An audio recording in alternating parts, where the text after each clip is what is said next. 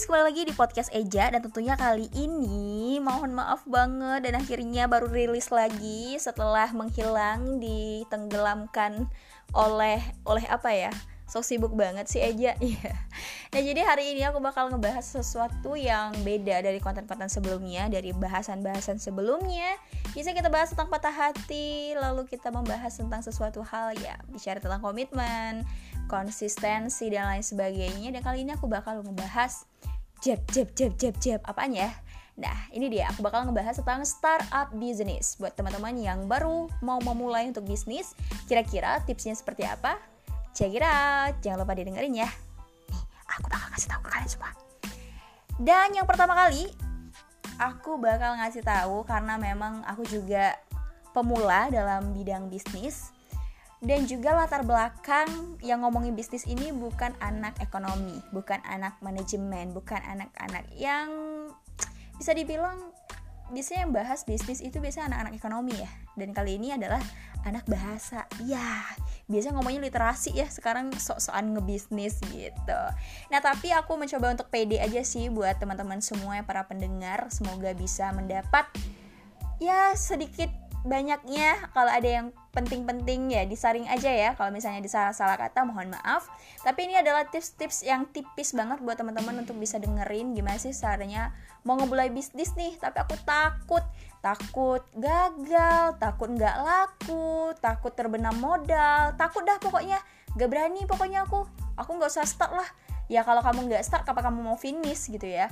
Kamu aja nggak mau memulai gimana kamu bisa merasakan kesuksesan gitu mau ngelihat orang wah kok dia bisa ya padahal aku juga harusnya bisa gitu tapi karena kebanyakan mikir-mikir dan akhirnya nggak jadi nah ini dia untuk tips yang pertama waduh udah dua menit aja nih Nah, jadi yang pertama adalah kalian harus mengenali potensi yang ada dalam diri kalian. Kenapa sih kalian harus mengenali potensi dalam diri kalian? Karena setiap orang itu beda-beda potensinya. Ada yang memang suka di bidang food, ada yang suka di bidang fashion, ada yang suka di bidang jasa, dan lain sebagainya. Salah satu contoh kecil dah, misalnya kalau kalian punya temen yang biasanya jualan online, terus kalian ikut-ikutan nih, ih dia aja laku, aku harus buka juga nih. Dan akhirnya pas kalian coba, ya tetap aja kalian gak bisa nandingin teman kalian karena memang dia punya potensi di bidang fashion berbeda dengan kalian mungkin kalian bisanya di bidang masak masak gitu ya di bidang food gitu jualan lah kalian di bidang food. Dan ternyata banyak yang beli dengan kalian. Ketika orang lain lagi ngelihat kamu tuh ya dia tuh cuma jual keripik itu aja kok laku ya. Coba juga ah. Dan akhirnya tetap aja nggak bisa bandingin. Kenapa? Karena setiap orang itu punya potensi yang berbeda. Nggak bisa disamakan. Makanya ada kata-kata yang bilang bahwasanya jangan samakan cara berenang bebek dengan cara berenangnya ikan. Tentu dia akan berbeda. Dan jangan memaksakan ikan untuk memanjat pohon. Aku ingat banget kata-kata itu tuh. Nah, jadi teman-teman, kalian gak boleh iri sama orang lain. Kalau orang lain bisa bisa bersinar di satu bidang yang dia punya, barangkali memang potensinya di sana gitu. Jadi jangan pernah ngerasa bahwasanya tersaingi dengan orang-orang yang ada di sekitarmu. Seharusnya itu menjadi cambukan bagi diri kamu untuk bisa seperti dia cakilah nah seperti itu. Nah jadi kalau misalnya kalian sudah tahu nih potensinya oke okay, aku mau ambil di bidang jasa nih atau misalnya oke okay, aku mau ambil di bidang fashion. Karena aku memang hobi di bidang fashion nih. Jadi oke. Okay. yang kedua aku bingung nih gimana pasang modalnya. Apa aku harus ngutang ya? Ya jangan. Kalau kalian mau memulai bisnis kalau bisa jangan ngutang dulu di awal jangan bikin kredit dulu di awal. Tapi kalian itu harus bisa pasang modal minim tapi mendapatkan untung yang besar di awal. Nah caranya gimana sih? Untuk pasang modal kalian bisa sistemnya kolaborasi kolaborasilah dengan teman teman-teman yang satu frekuensi. Karena memang untuk mencari teman-teman yang bisa satu frekuensi dalam bidang bisnis itu memang agak sulit. Bukan agak sulit sulit banget sih kayak gitu. Nah jadi buat teman-teman yang ngerasa aduh modalku nggak cukup nih. Aduh misalnya modal aku tinggal sedikit nih. Atau misalnya aduh aku takut nih ini cuma tabungan aku satu-satunya.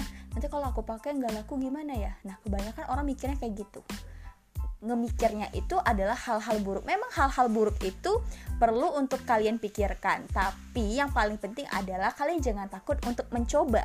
Kalau kalian nggak tahu, nggak coba, kalian nggak akan tahu. Misalnya nih, teman kalian bilang, "Woi, ja, di sana tuh enaknya makan ayam woi di mana Jo oh di sana pas dibeli nggak selera karena memang nggak nggak bisa disamakan rasa lidah si A dengan si B itu akan sama nggak bisa salah satunya aja mungkin banyak anak muda misalnya wais anak cewek itu cantiknya wais oh cowok tuh gantengnya gitu. Padahal pas temennya nanya ganteng gak? Gak sih biasa deh waduh memang selera orang beda-beda ya. Jadi kita tuh nggak bisa samain selera selera si A sama si B gitu. Oke okay. jadi yang kedua adalah tipsnya adalah pasang modal. Itu kalian bisa dengan sistem kolaborasi.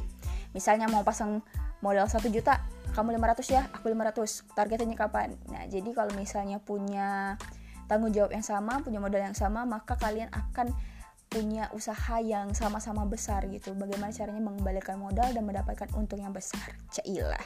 Oke yang ketiga ini pembahasan internal. Setelah kalian sudah tahu nih potensi yang kalian punya, kalian sudah bisa memasang modal, kalian harus membahas secara internal tentang bisnis itu sendiri. Apa aja sih Tentunya bisnis itu harus ada promotornya, harus dipromosikan. Apalagi saat ini ada digital marketing yang mana untuk mempromosikan itu gampang banget. Media sosial itu sekali ngetek, wis langsung menyebar ke seluruh dunia. Ya ilah.